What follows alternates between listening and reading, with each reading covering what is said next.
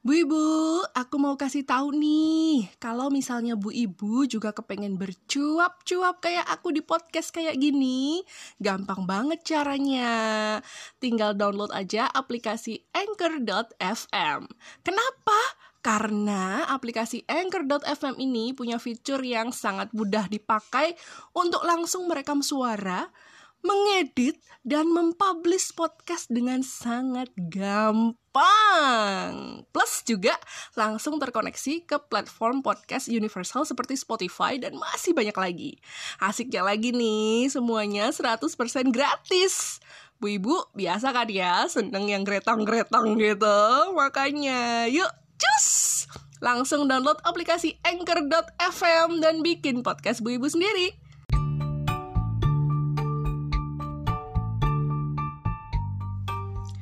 Halo, Assalamualaikum warahmatullahi wabarakatuh. Ketemu lagi dengan aku, Ibu Inung Dalam podcast Bu Ibu. Hey Ibu Ibu sehat-sehat kan ya? Tentulah ya, kan kemarin-kemarin udah ikut kegiatan jalan sehat ya. Pasti deh, kakinya gempor Biasa kan ya Bu Ibu kalau menyambut peringatan kemerdekaan Indonesia 17 Agustus itu banyak sekali kegiatan ya. Lomba-lomba ada jalan sehat pula uh, rame-rame gitu ya se-RT se-RW se-desa. Uh, rame banget banyak door prize lagi. Jadi semangat ikut kan ya. Hmm, tapi rutenya itu loh ya kadang suka ngaco ya bu ibu ya. Macam bus akap gitu nggak ya kira-kira? Alias jauh. Siangnya biasanya baru kerasa deh tuh kakinya gempor cekot-cekot gitu. Ini sedikit curcol ya kemarin saya beneran nih rasanya tuh kaki pas siang baru kerasa banget. Habis jalan sehat tapi ngomong-ngomong apa sih tiap kali mau peringatan 17 Agustus tuh banyak banget yang ngadain jalan sehat. Esensinya tuh apa gitu loh jalan sehat jauh-jauh kayak gitu. Hmm, maybe itu akan ngingetin kita akan perjuangan orang-orang Indonesia zaman dulu ya sebelum kemerdekaan kita raih. Harus banyak banget perjuangan yang dilalui termasuk jalan kaki berpuluh-puluh kilo, bergerilya menumpas para penjajah sampai berdarah-darah gitu ya. Nah, dengan begitu mudah-mudahan sih uh, pas kita ikut jalan sehat ini kita juga bisa berefleksi dari situ ya Bu ya. Kita bisa hidup enak sekarang juga berkat perjuangan ratusan ribu nyawa kan ya untuk meraih kemerdekaan Indonesia. Yeah! Merdeka gitu.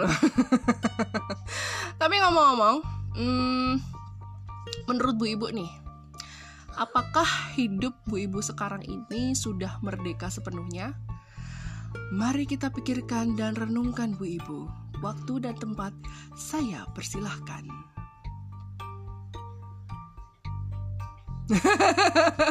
Kok diem bu? Oh merenung ya bu ya Merenung tuh identik dengan diem ya Aduh, Bu Inung, Bu Inung. Lagi 17-an senang-senang mau dapat hadiah juara satu lomba balap karung. Kok ya disuruh mikir yang berat-berat sih. Bu, ini nggak berat kok, cuma mau ngajakin Bu Ibu aja buat lebih melihat ke diri sendiri dan ke keadaan Bu Ibu dan perempuan-perempuan di Indonesia sekarang ini.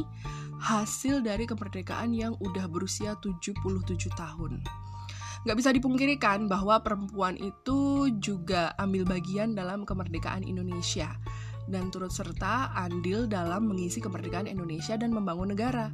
Setuju kan ya? Setuju kan ya bahwa ada peran perempuan di situ? Karena ya tentu para perempuan itu punya ekspektasi dan harapan juga kan terhadap negaranya, terhadap hidupnya terutama. Apalagi kalau ngobrolinnya tentang tahun-tahun sekarang ini ya dari 45 1945 ke 2022 itu udah pasti banyak perubahan juga kan yang dirasakan sama perempuan-perempuan Indonesia dari waktu ke waktu progres pembangunan negara. Bu, when I say pembangunan, Ibu jangan cuma dipikirnya soal infrastruktur aja ya Bu ya. Jalan udah mulus, banyak gedung-gedung bertingkat, pencakar langit banyak jembatan-jembatan yang bagus gitu. Jangan cuma dipikirin soal infrastruktur aja ya. Tapi juga masalah mental.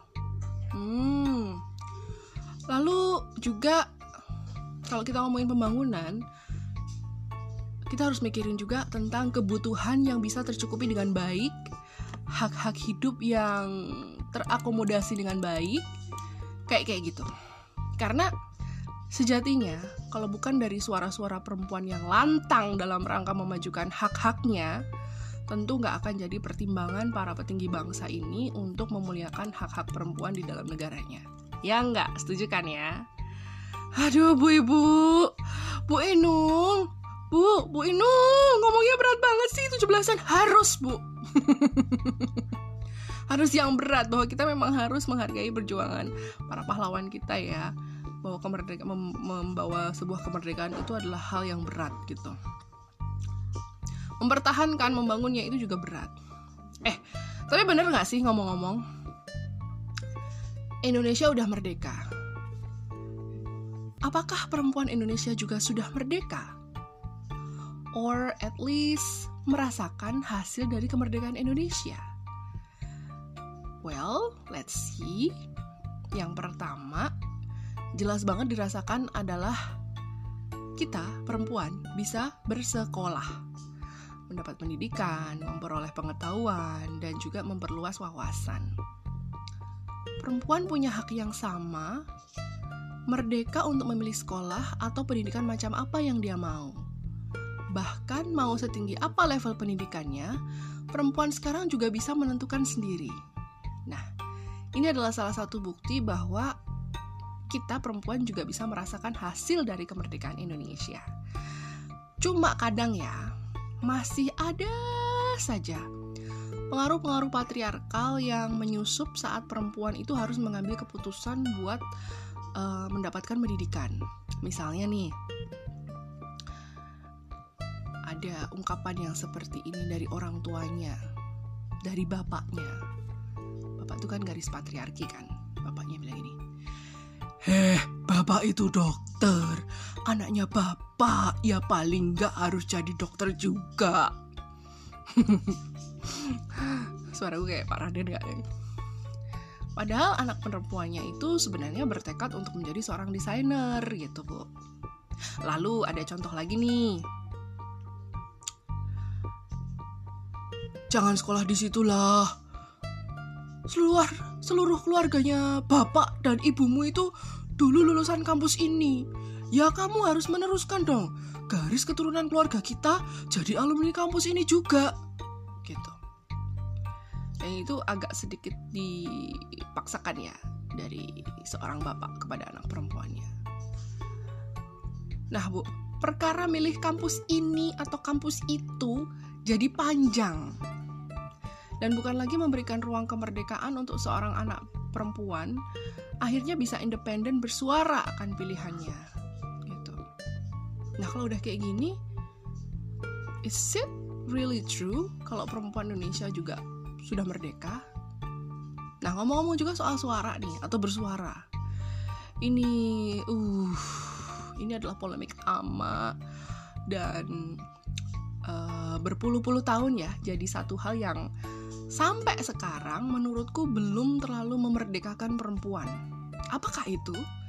Apakah itu, Bu? Apakah kau bisa menebaknya, Bu? Apa? Bukan, bukan itu. Nih, Bu. Ngomong-ngomong soal suara nih ya. Suara keterwakilan perempuan aja nih di DPR MPR ada berapa, Bu? Pernah ngitung nggak, Bu? Pernah ngeh nggak, Bu? Pernah peduli nggak? Pernah concern nggak? Bodoh amat ya bu ya. Yang penting saya masak jalan terus gitu ya. Yang penting dapur ngebul gitu ya. Iya sih betul. Tapi demi bisa tetap mengebulkan dapur itu kita juga harus tahu bu. Wakil kita uh, perempuan di DPR tuh ada berapa sih? Nih uh, I'm gonna tell you Berdasarkan hasil pemilu 2019, keterwakilan perempuan di Lembaga Legislatif Nasional atau DPR RI itu berada pada angka 20,8 persen atau hanya 120 anggota legislatif perempuan dari jumlah total anggota DPR RI itu 575 orang. Ini berdasarkan data KP, KPU ya Bu ya, berdasarkan hasil pemilu KPU 2019. Padahal Bu, Ingat tadi ya, jumlahnya 120 anggota atau hanya 20,8 persen. Padahal di dalam Undang-Undang Nomor 22 Tahun 2007 tentang penyelenggaraan pemilu itu mengatur agar komposisi penyelenggara pemilu memperhatikan keterwakilan perempuan minimal 30%. Berarti, Bu, jumlah yang ada saat ini 20,8% itu belum memenuhi target, Bu, buat mewakili kita para perempuan-perempuan rakyat jelita, ya nggak sih? Why? Why? Kok bisa ya Bu Inung ya? Kenapa ya? Why? Banyak alasannya, but it's too political I guess and I'm not gonna dig it more. Kita serahkan saja pada perempuan-perempuan yang memang mau bermain politik dan mencalonkan dirinya sebagai wakil rakyat. Ya, mungkin ibu-ibu juga bisa mulai mencari tahu kenapa sih kok hanya 20,8% emang nggak banyak ya perempuan-perempuan Indonesia yang nggak kepengen jadi anggota DPR mewakili suara perempuan di seluruh Indonesia? Yuk mari kita belajar bareng-bareng ya. Ya oke. Nah kalau ibu tahu jumlah itu tadi belum memenuhi target berarti kan kita bisa berkaca bahwa memang perempuan itu suaranya belum terlalu terdengar oleh wakil rakyat jelita kayak kita ini, Ibu. Buktinya apa? Buktinya, beberapa undang-undang yang seharusnya di dalamnya itu bisa mengakomodir kebutuhan perempuan, yang di dalamnya bisa melindungi perempuan, yang di dalamnya bisa menjadi bekal perempuan untuk stand out di muka hukum, itu masih sangat kurang. Bahkan masih sangat lama proses perumusannya. Digodoknya lama banget. Dan kadang mau disahkan aja masih ditarik ulur tarik ulur kapan ini kapan ini masih ada revisi revisi revisi revisi gitu kemudian setelah disahkan kadang belum bisa mengakomodir kebutuhan perempuan. Karena ya akhirnya setelah dilihat-lihat dibaca-baca ditelaah muncul adanya pasal karet lah. Ada persepsi yang berbeda-beda lah hanya dalam satu ayat. Dan harus diuji materi lagi lah gitu.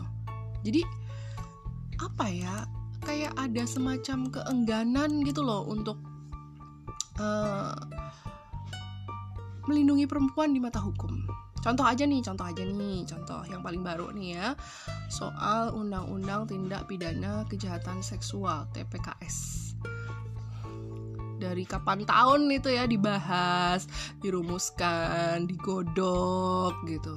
Eh baru disahkan kemarin. Ya kita sih alhamdulillah ya akhirnya disahkan juga gitu. Cuma kayaknya kok nggak segera sih gitu. Padahal kan kalau dilihat-lihat Indonesia itu udah darurat ke kejahatan seksual ya bu ya. Ya nggak sih?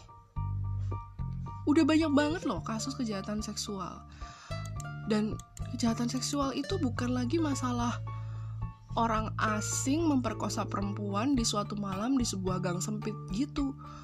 Bukan, bukan cuma itu aja.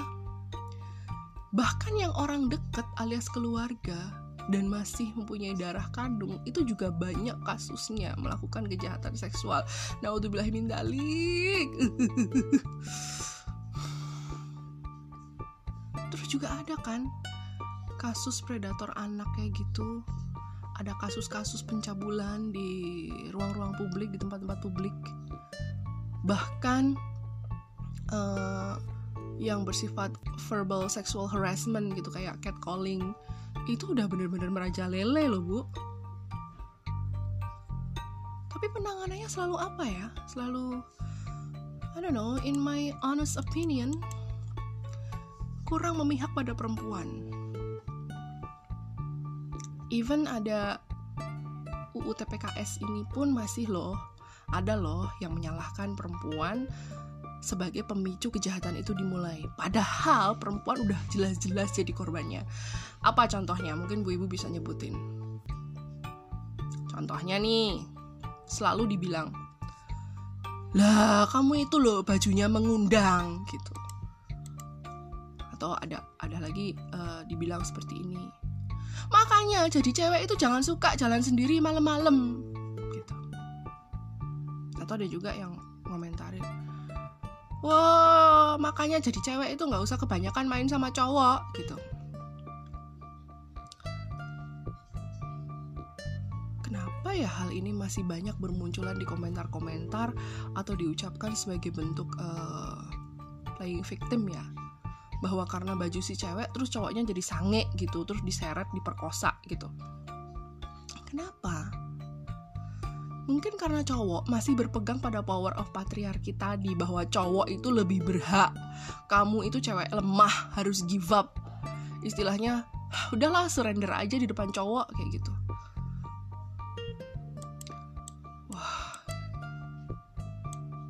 Gila ya bu ya Udah jelas-jelas loh padahal ceweknya itu jadi korban Masih ada kan?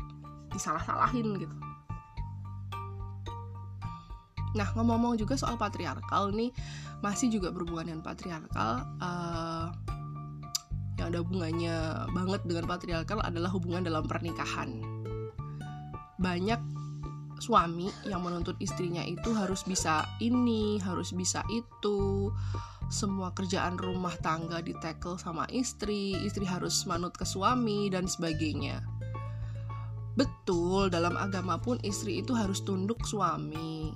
Tapi nggak semuanya yang dikatakan suami itu harus dipatuhi. Dalam artian gini, kalau misalnya suaminya ngajak istrinya berbuat syirik, ya istri harus nolak.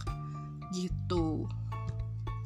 Soal kerjaan rumah tangga, sebenarnya itu bukan deskripsi pekerjaan seorang istri kok semua gender itu bisa melakukannya.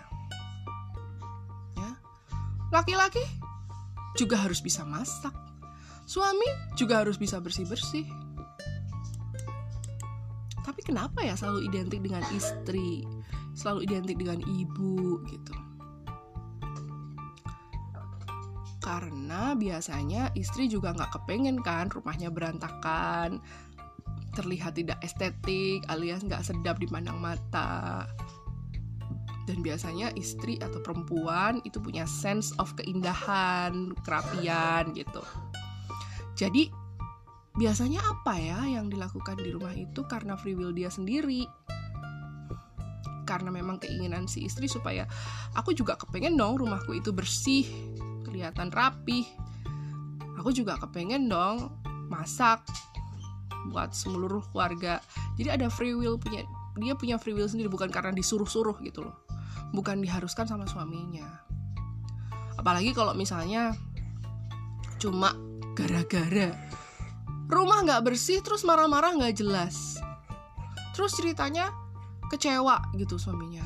Terus KDRT habis KDRT terus malah selingkuh atau mau punya istri kedua ketiga dengan alasan yang sangat-sangat tidak masuk akal. Oh, lagi-lagi naudzubillah min dalik tapi ini perlu benar-benar kita renungkan ya. Masih banyak loh. Di seluruh bagian di Indonesia ini yang seperti itu. Bahwa suami itu uh, lebih powerful daripada daripada si istri. Nah, ada satu lagi nih bu yang menurutku uh, para perempuan di Indonesia ini itu belum merdeka dalam tanda kutip ya quote unquote gitu. Belum merdeka. Terutama untuk para perempuan-perempuan remaja. Aduh. Bu ibu eh bu Inung. Ini lagi ngomongin bu ibu kok malah ngomongin perempuan remaja ya kan sama-sama perempuan bu. Saya juga harus membuka mata ibu dong. Membuka telinga membuka telinga dan membuka mata ibu. Bahwa memang ini terjadi di Indonesia. Ada beberapa kasus nih bu. Um, di sekolah mereka itu diharuskan memakai pakaian seragam muslimah berjilbab. Jadi uh, kemeja lengan panjang, rok panjang semata kaki, dan kerudung sebagai penutup kepala. Ini untuk para siswinya. Ya, jadi ada beberapa sekolah-sekolah di Indonesia seperti itu. Mungkin kalau ini di sekolah Islam it's totally fine. Nggak apa-apa. Emang aturan seperti itu. Masalahnya hal ini bu terjadi di sekolah negeri di sekolah negeri bu. Sekolah negeri itu kan sekolah untuk umum ya. Umum tuh berarti dari latar belakang keluarga apa pun dan agama apa pun gitu loh. But why? Tapi kenapa gini sih ya gitu? Aku pernah dengar nih cerita dari seorang anak dari kerabat aku bahwa iya mbak dia uh, aku itu disuruh berpakaian seragam seperti ini ke sekolah uh, padahal aslinya aku nggak pakai jilbab. Kenapa? Aku juga lihat hari-hari lainnya kamu juga nggak pakai jilbab gitu kan. Iya soalnya disuruh guru agamaku buat uh, pakai seragam berhijab gitu. Kalau ada jadwal uh, eh, PAI jadwal pendidikan agama Islam gitu. Jadi misalnya ada satu hari nih ya ada satu hari ada jadwal PAI gitu kan. Nah itu di satu hari itu si siswi ini harus uh, memakai pakaian seragam muslimah berhijab seperti itu tadi. Well that's fine.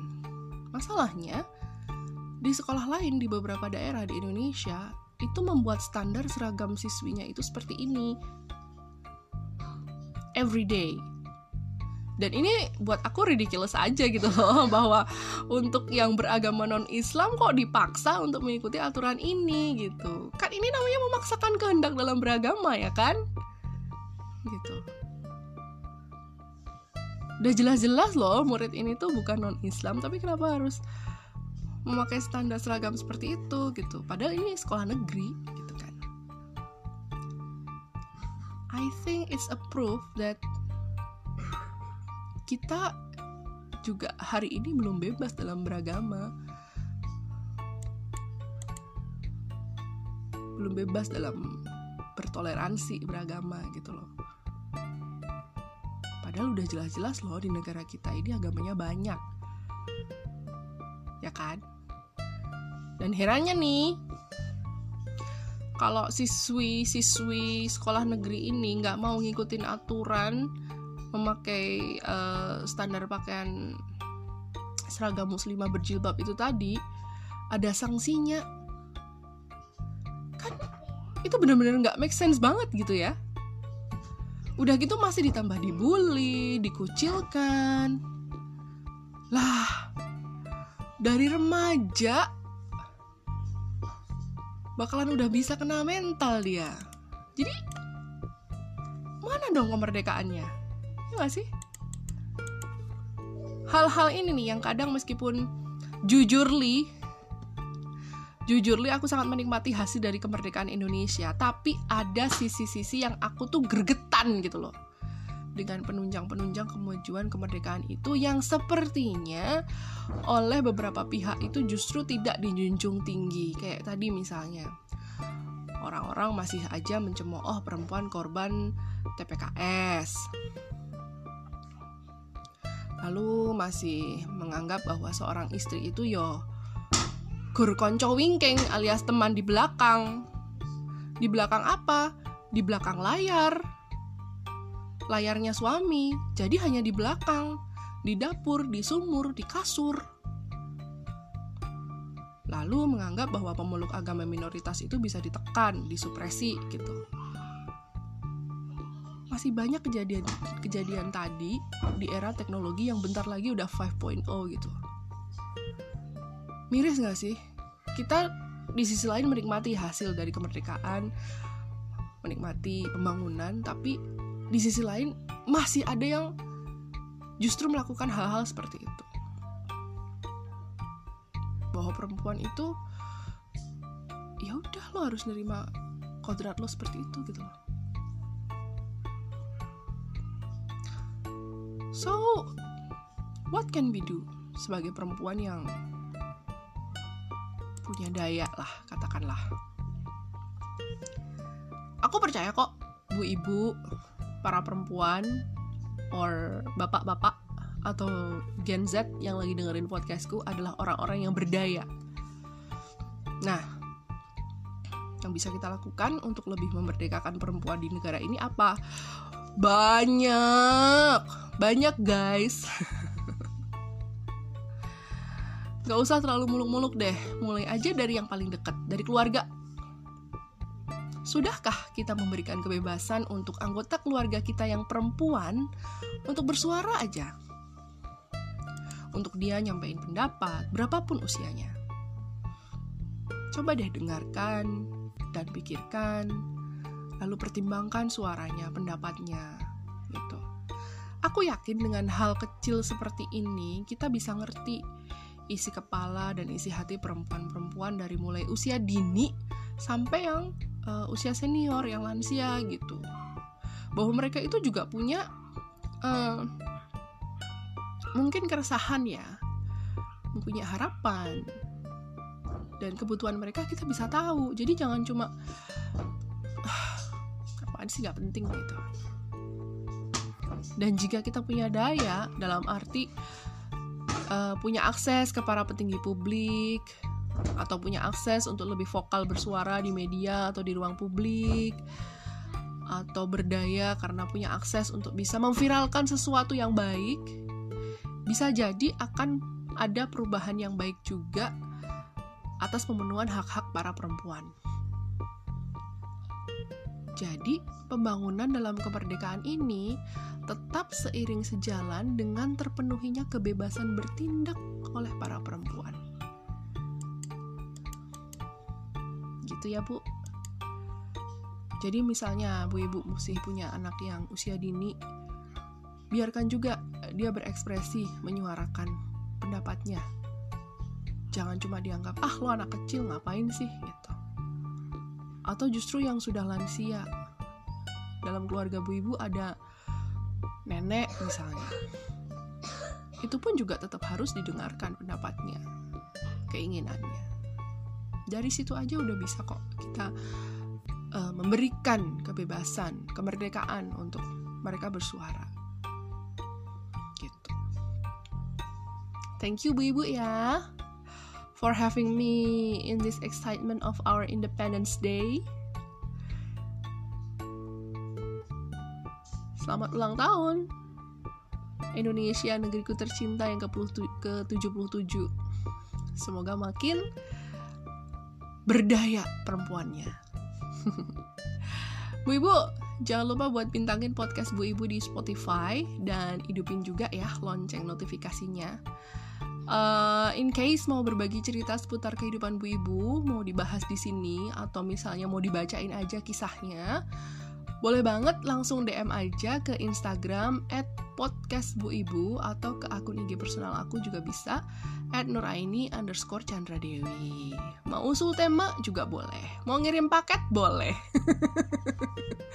Asal yang halalan toyiban ya Bu ya.